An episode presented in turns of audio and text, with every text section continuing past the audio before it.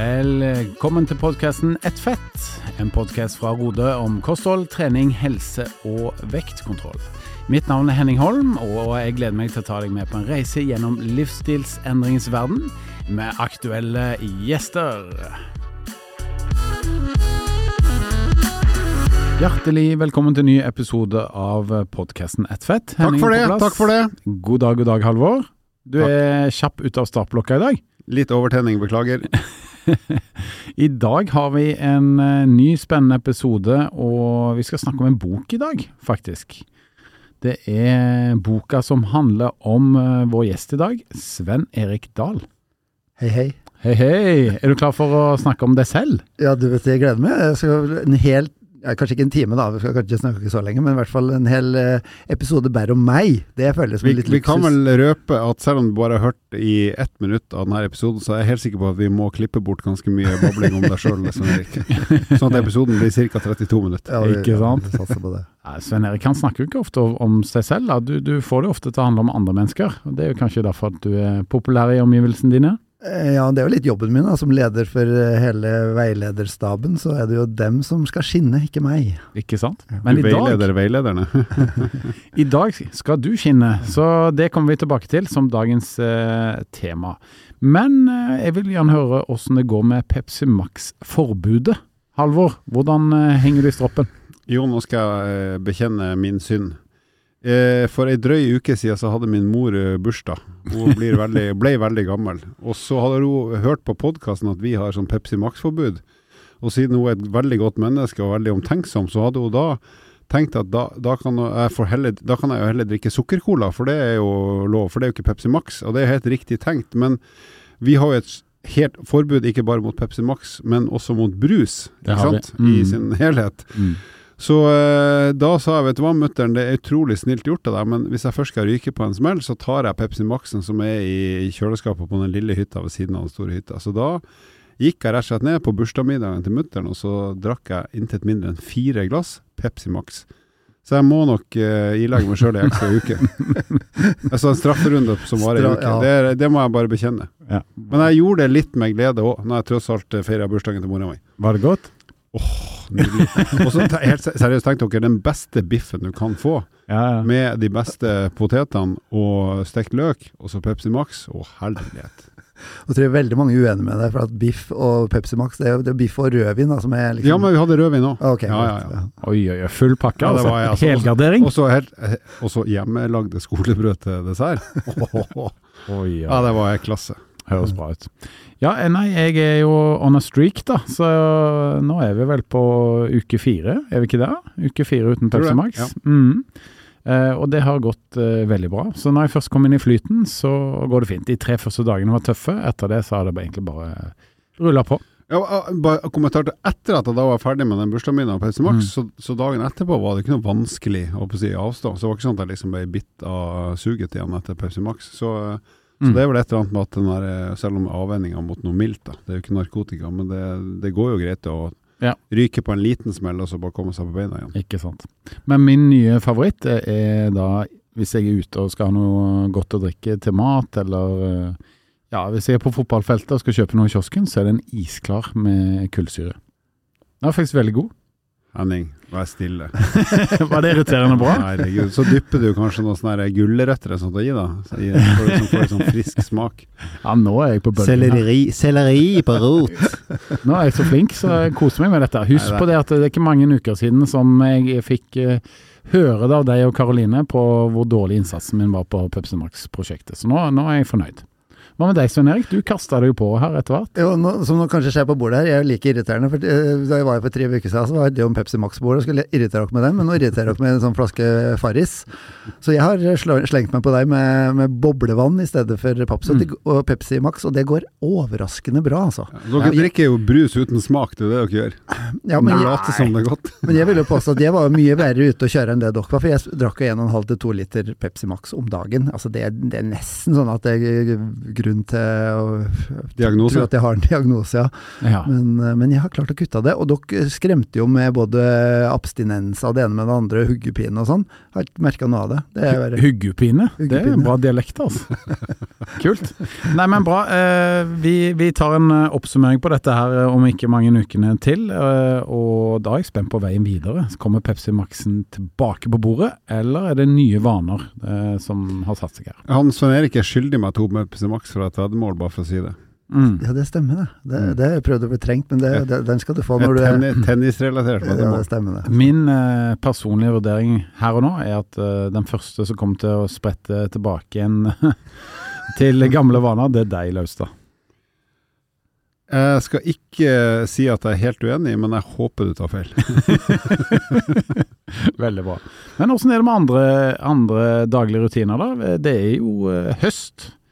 Eh, bladene har begynt å falle fra trærne, og vi går inn i ja, snart den litt eh, mørkere tiden, med litt mer blåst og regn og ja, litt nye rutiner som må på plass, da, både på kosthold og trening. Eh, Det er jo ikke så gøy å parkere sykkelen for vinteren, er det det? Nei, nå har jeg vært skada, så jeg sitter jo bare og trør inn. Altså, men jeg har jo Nå har jeg blitt mer og mer i stand til å gå, da. Så for min del så er jeg faktisk mer hverdagsaktig nå enn jeg var i august, men vanligvis er det omvendt. Så, men jeg har i hvert fall begynt å kle på meg, så må jeg begynne å planlegge. Hvis jeg skal ut og gå, så er det ikke bare å stikke ut og gå. Da må jeg faktisk se an været og kle på meg litt. Så jeg i hvert fall bruker litt mer tid på å være hverdagsaktiv, rett og slett pga. møkkaværet. Og så er, er det vel eh, i og med at det er mørkere og kaldere, så er det hyggeligere. Altså Det er dumt å si, men det er litt mer fristende å bare sette seg ned i sofaen, for det er så mørkt og Mm. kjipt ute. Det er kanskje klassisk for alle, men det merker jeg faktisk i det daglige sjøl. Det tror jeg mange eh, helt sikkert kjenner seg igjen i. Um, jeg må si at jeg jeg begynner alltid å løpe mer når sykkelsesongen ebber ut, så det har blitt litt mer løping i min treningshverdag, da. Det må jeg si. Og så er det litt tykkere klær når jeg er nede på fotballfeltet med ungene. Har du på deg blåtterjakka nå? Den er lange? Den lange fotballjakken, ja. Det, den, den er på. Eh, jeg hadde en ubehagelig opplevelse her eh, for et par uker siden hvor jeg eh, hadde kledd meg litt for lite og sto og frøys i 90 minutter oppe på feltet. Det, det var uh, Det var Er ikke det poenget med blåtterjakka, at du er naken under, da? Nei, det kan jeg love deg at jeg ikke er, for å si det sånn. Bra. Svein Erik, hvordan er det med deg og høstrutinene? Jo, jeg kjenner meg det Halvor sa i stad, at det er jo liksom det fristende når det blir mørkere på kveldene, å sitte inne og kose seg med et eller annet. Og det har jeg, har jeg vært veldig god på tidligere. Men samtidig så føler jeg nå at det er litt mer inn i, i flytsonen når det gjelder både kosthold og trening. Mm. Og det handler òg litt om, som dere vet, jeg er jo veldig glad i å spille tennis. Og nå har vi flytta innendørs, og da er det går helt fint. Da, Det er jo en kjent trønder som har laga en sang som begynner med 'Når mørket nå har senka seg'. Hvem er det, Svein Erik? det er jo Åge, det, da. Det er Åge, ja. Yes. Vi skal gå inn på dagens tema, vi. Og vi skal snakke om eh, den helt nye boka som lanseres i disse dager. Så det er vi tilbake med om en liten straks. Vet du hva du får i et Rode-medlemskap? Du får tilgang til Rodes Ned i vekt-app, der du har full oversikt over det du spiser og det du trener, i tillegg til over 1500 oppskrifter. Du får personlig oppfølging av din veileder, og du får masse faglig påfyll hver eneste uke. Et fett liv heter boka, som eh, Halvor her har skrevet om eh, Sven Erik eh, sitt ja, både liv og, og din eh, reise innen livsstilsforandringens eh, eh, verden. Og jeg må jo si at når jeg leser denne boka her, så, så blir jeg rett og slett både inspirert og litt rørt. Ja, vi har jo snakka ofte om deg, Svein Erik, men da har vi jo stort sett snakka om det der prosjektet du har hatt i noen uker i vinter. Men du har jo opplevd ganske mye i livet ditt som, som er verdt å lese for andre. Og jeg syns jo, når jeg snakker mye med deg om det her, så, så er det jo lett å forstå hvordan det har vært i ulike faser av livet ditt, og ikke alltid like kult. Og det tror jeg kan være til hjelp for andre som kanskje er i samme situasjon, eller for andre som ikke er i samme situasjon, men for å prøve å forstå hvordan det er å eh, ikke ha det spesielt kult, og være stor og tung og være i en kropp som man ikke har lyst til å være i. Ja, for når du skulle føre dette i pennen, Halvor, så, så var jeg jo ganske forberedt på at det var en inspirerende historie. Eh, som som handla om kosthold og trening osv. Men At det skulle bli så personlig, det, det var vi kanskje ikke forberedt på. Ja, nei, jeg må innrømme at uh, i utgangspunktet tenkte jeg nå skal vi fortelle om hva du har gjort i tolv uker for å gå ned mange kilo. Og det er jo Mm. for så vidt mange som har gjort før. Uh, både Jeg har jo skrevet bøker om det òg, men, men uh, etter hvert så syns jeg jo forhistorien Mm. og de prosessene du har vært igjennom før, er, egentlig er vel så interessant. Eh, Men så er det selvfølgelig, tror jeg da, inspirerende for mange å si at ok, det rykket du gjorde nå i vinter, det er mulig for mange å få til. Og det er én måte å gjøre det på for de som har lyst til å prøve. Mm.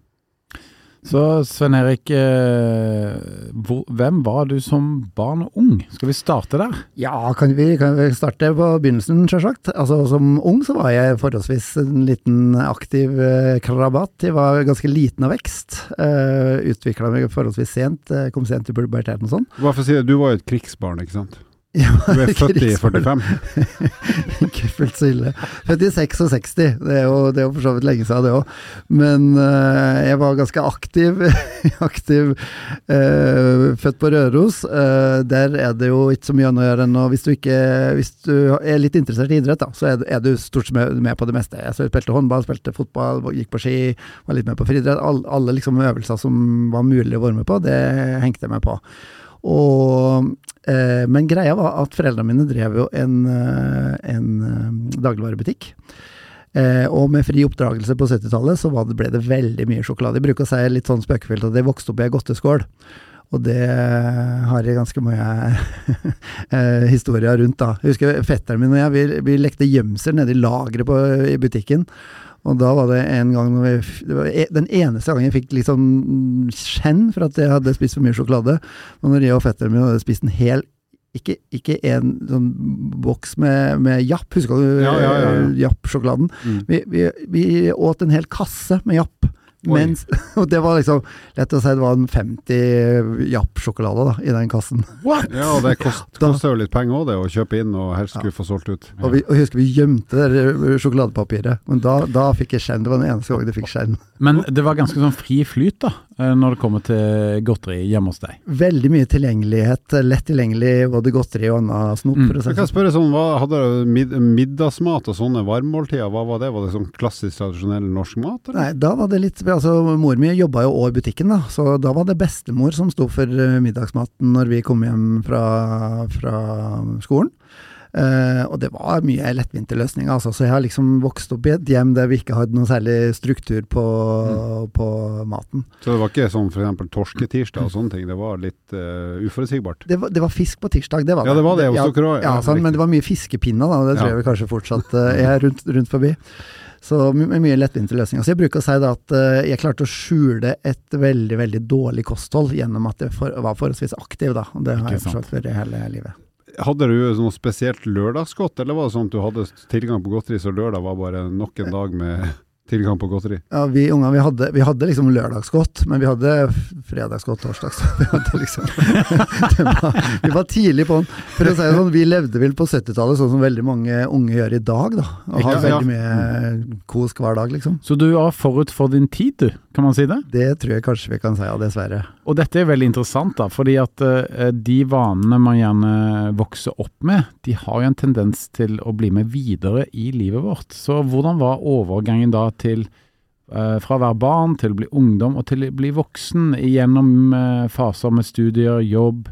Eh, hvordan endra da forholdet ditt seg til trening, mat og ja. Altså Det er vel litt av problemet eller utfordringen for meg, at det har kanskje ikke har endra seg så mye. For jeg har alltid vært glad i å trene. så jeg har liksom I studietida så har jeg, spilte jeg håndball på studentlaget.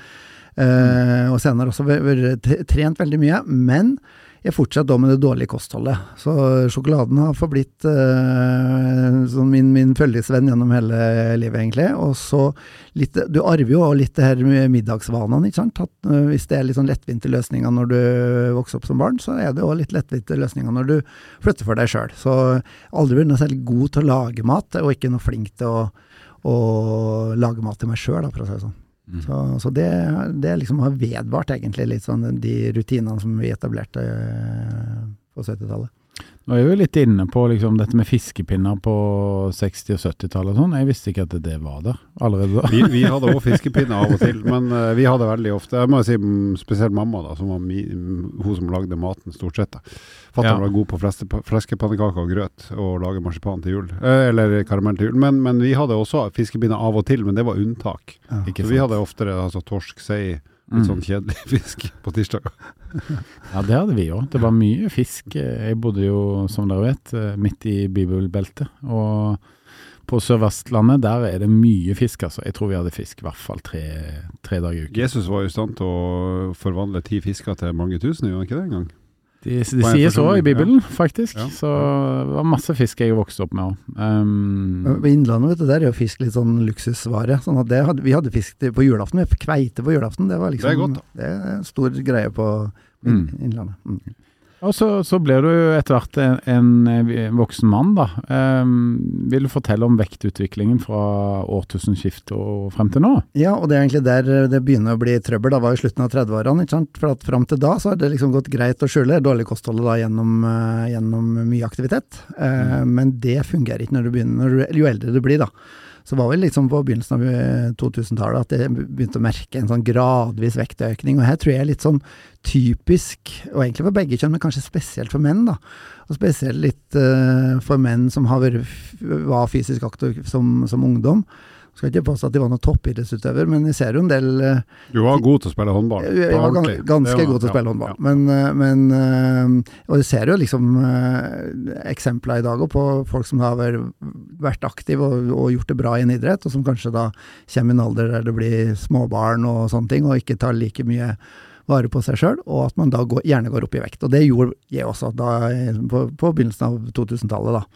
Og det, og det her skjedde gradvis, og jeg var egentlig ikke så veldig la egentlig ikke så veldig mye merke til det. Så når dere spør om sånn vekt, hvordan jeg tenkte på vekt og helse da jeg var un, under eh, 40 år, liksom, så tenkte jeg veldig lite på det.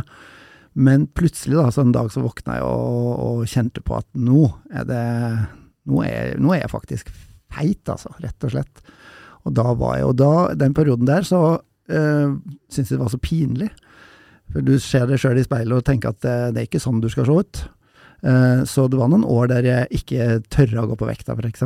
Og der jeg Så jeg vet jo egentlig ikke hvor tung jeg var på mitt tyngste. Men hva var det som gjorde at du på et eller annet tidspunkt uh, fikk en sånn realitetssjekk på hvordan helsa og vekta hadde blitt? Nei, altså du kan vel si at det var, kanskje var sånn eh, en slags forsvarsmekanisme som slo inn, at du ikke ville eh, merke det. Og så var det vel det, altså det var ikke noe sånn at jeg fikk noen helseutfordringer, eller sånt, men, men jeg tenkte at uh, jeg så at det her, så ikke bra ut. Uh, og så var det vel egentlig Jeg reagerte vel egentlig For jeg prøvde jo en del sånne forskjellige typer slankekurer, da, blant annet når lavkarbofasen kom, eller lavkarbodietten kom.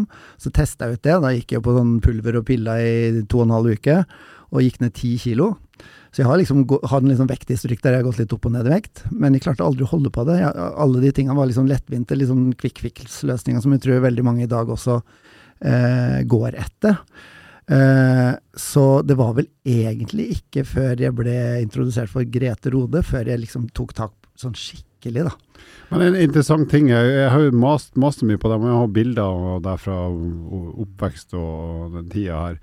Og så er det jo en lang fase i livet der det ikke finnes bilder av deg. Iallfall ikke som du har kontroll på sjøl. Nei, og det var derfor at vi, når vi skulle ta coverbildet, da, så var vi nødt til å finne fram For jeg, det jeg har gjort, er at jeg har tatt vare på den største buksa jeg har.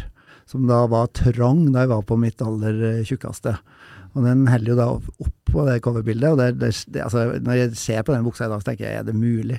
Altså, det er jo et helt rått bilde, for det, det sier mer uh, enn tusen ord, for å bruke klisjeer, altså. Mm. Mm. Men jeg syns det er interessant, da. Litt sånn, det setter vel litt eh, Illustrerer vel litt det her med at man ikke nødvendigvis har det så godt inni seg når du rett og slett ikke har villet vært med på bilder i mange år. Ja. For det er vel det som var saken. Det var saken. Og jeg, jeg må vel også si det at eh, det som kanskje var den en utløsende faktor for at det gikk veldig, veldig galt, da, det var at jeg drev et eget uh, selskap, uh, som, eh, og der jeg jobba nesten døgnet rundt i jeg vil si, ti år. Eh, og der jeg ikke hadde noe fokus på egen, egen helse. Da. Det var bare jobb, jobb, jobb. Uh, og da, du, jeg tror jeg har utvikla en forståelse for når jeg da går opp i vekt, så det handler om to ting. Enten at jeg er stressa, eller at jeg er lei meg.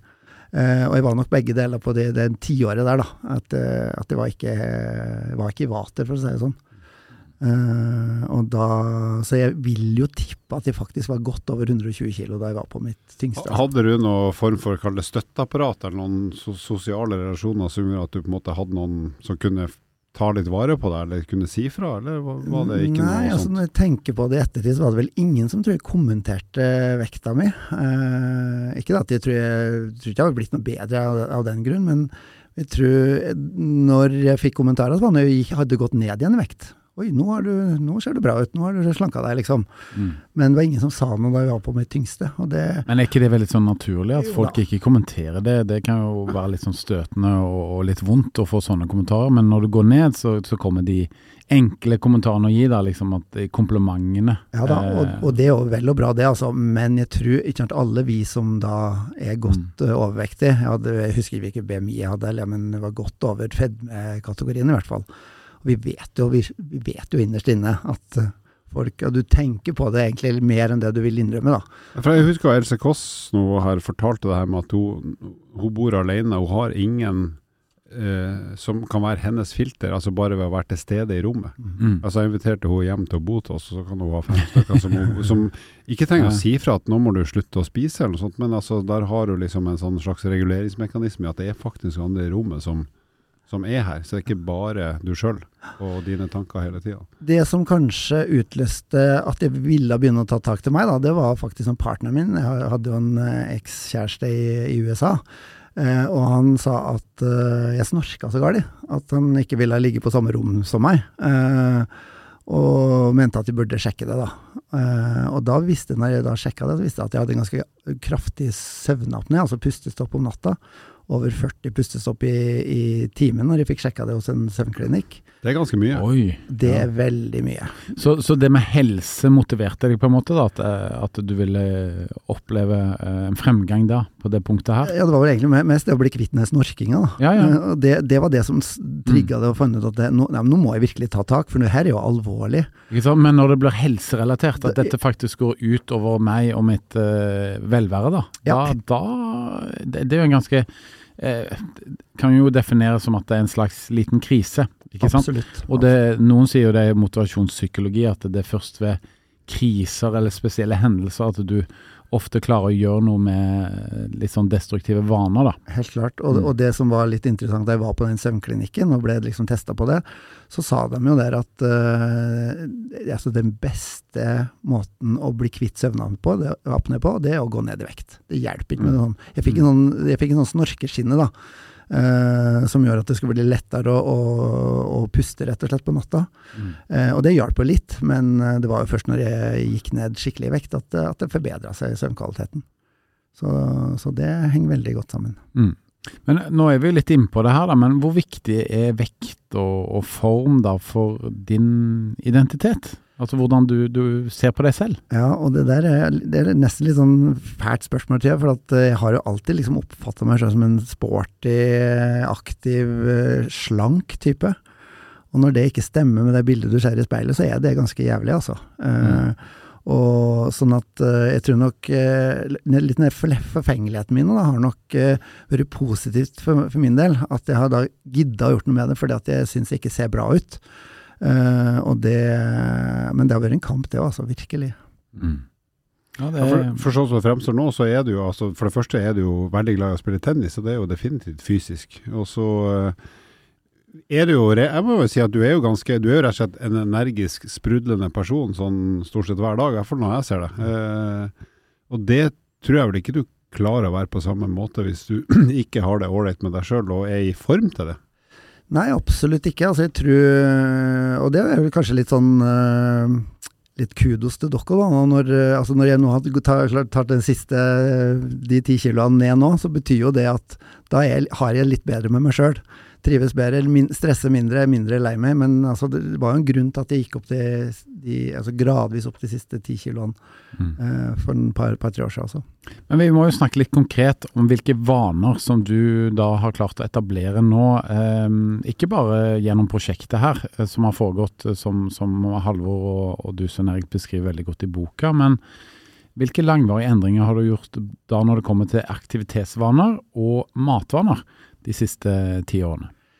Altså Når det gjelder aktivitetsvaner, så er jo det at interessen min for tennis den kom jo på sånn på da jeg var noen og 30. Uh, fordi at uh, partneren min, eksen min, han spilte jo tennis, eller spiller tennis fortsatt. Og, jeg, og da ble jeg introdusert for en, en aktivitet som jeg likte veldig, veldig godt. Og nå har jeg jo til og med satt meg et litt sånn hårete mål om at jeg skal bli verdens beste tennisspiller i min årsklasse innen 100 år. Og det er et sånn litt latterlig, latterlig mål, kanskje. Nei, men jeg skjønner hva du mener. Altså, Hvis du holder på med idrett lenge nok, så har du sjanse til å nå ver- verdenstoppen. jeg, jeg tror jeg må nærme meg 99 før jeg når det målet. Jeg har det samme på sykkel, da, men jeg har tenkt innenfor før jeg blir 80. Men Ja. jeg tror ikke jeg har Det er i hvert fall en drøm. men, men, men faktisk... det faktisk, på hjula, da. Men faktisk altså det som er litt kult med det målet, det er at du, du allerede nå altså du, du må jobbe hver eneste dag, hver eneste uke med å, å være aktiv. Da, for å liksom, Mm. for det, det ligger liksom noe i, det fjerne som tenker at jeg skal, jeg skal søren meg vise dem at det her skal jeg klare. Uh, men så aktivitetsvanene mine jeg har nok blitt endra pga. at jeg fant tennisen. Uh, når det gjelder kostholdet, så Men, må, jeg bare, så, men du går jo mye òg. Har, du Ja, ja. alt- har du alltid gjort det? det har jeg alltid gjort. Ja. Jeg alltid Så selv når du var på det tyngste, så gikk du Ja, nei, kanskje ikke så mye som jeg gjør nå, men, men jeg har alltid likt å gå. Ja, For jeg må jeg jo si det er imponerende i forhold til at du Hvis du kan la være å ta bil, så går du. Ja, absolutt. Altså basically konstant. Absolutt, ja. Og jeg har til og med, altså jeg sykla mye før, men nå har jeg sl- slutta å sykle fordi at jeg heller vil gå. For, og, og nå er det mer sånn bevissthet i forhold til få, få ja, mer hverdagsaktivitet. Da. Men er det derfor du har to pulsklokker på deg? Du mobber meg fortsatt.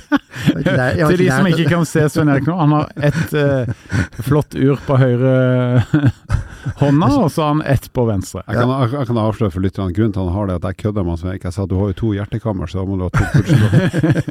Men Svein Erik har han altså to. ja, han har to klokker på. Kan du fortelle litt om Ja, det, det? det er rett og slett Jeg har kjøpt meg en litt sånn dyr Garmin-klokke, for jeg skal liksom måle litt. Og det har litt det med søvnkvalitet, sånn som vi snakka om i stad.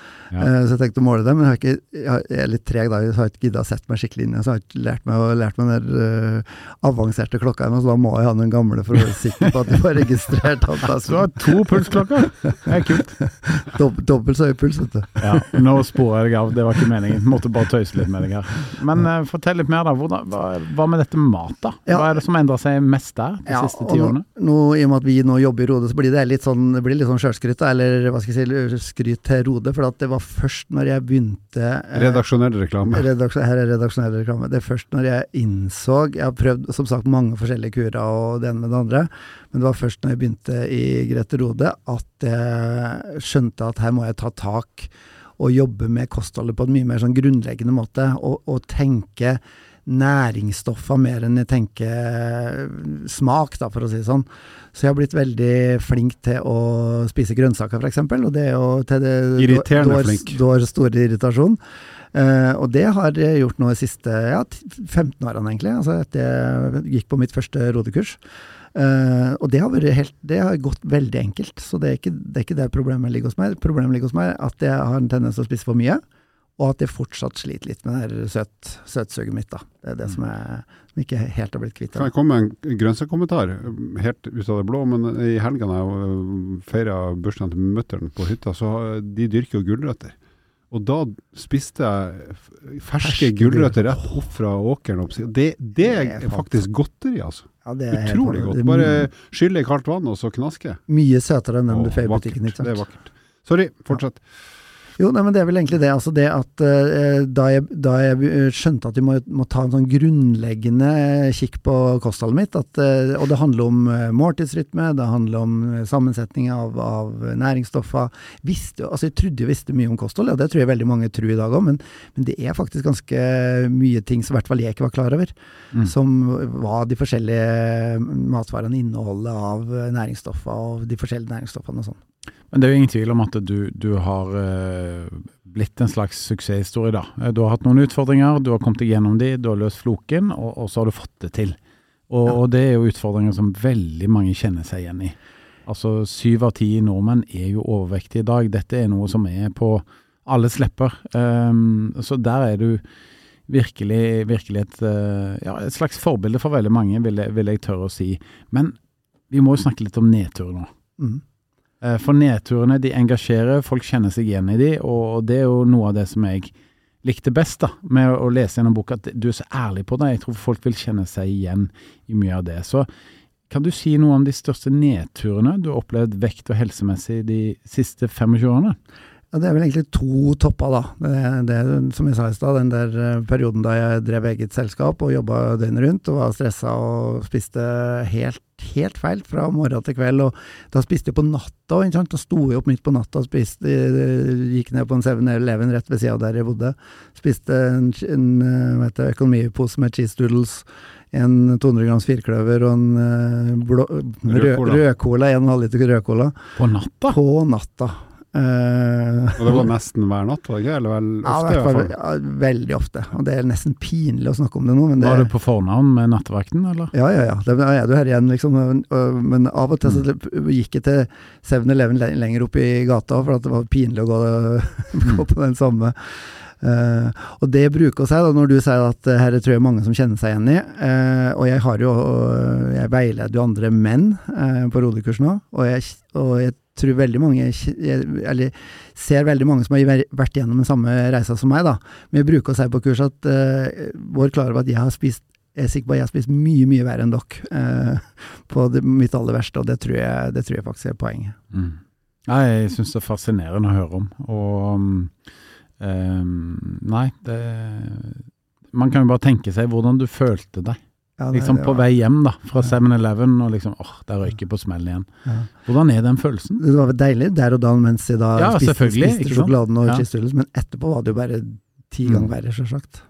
Så, Men heldigvis så har det jo vært eh, flest eh, oppturer eh, de siste årene. Kan du fortelle, liksom, hvis du skal snakke litt i overskrifter, da. Hva er de største oppturene de siste 25 årene når det kommer til Ja. Nei, det er jo det at jeg har liksom klart å ta, gjenvinne kontrollen da, på, på maten særlig, eh, og at jeg faktisk har begynt å bli glad i å lage mat. Jeg var jo elendig eh, som ung til å, å, å lage middag, f.eks. Men eh, i det siste nå, så har jeg, eller siste, et, etter jeg begynte på Rode, da, så har jeg liksom blitt god til å lage mat, syns jeg sjøl. Og lage gode middagsretter og ja.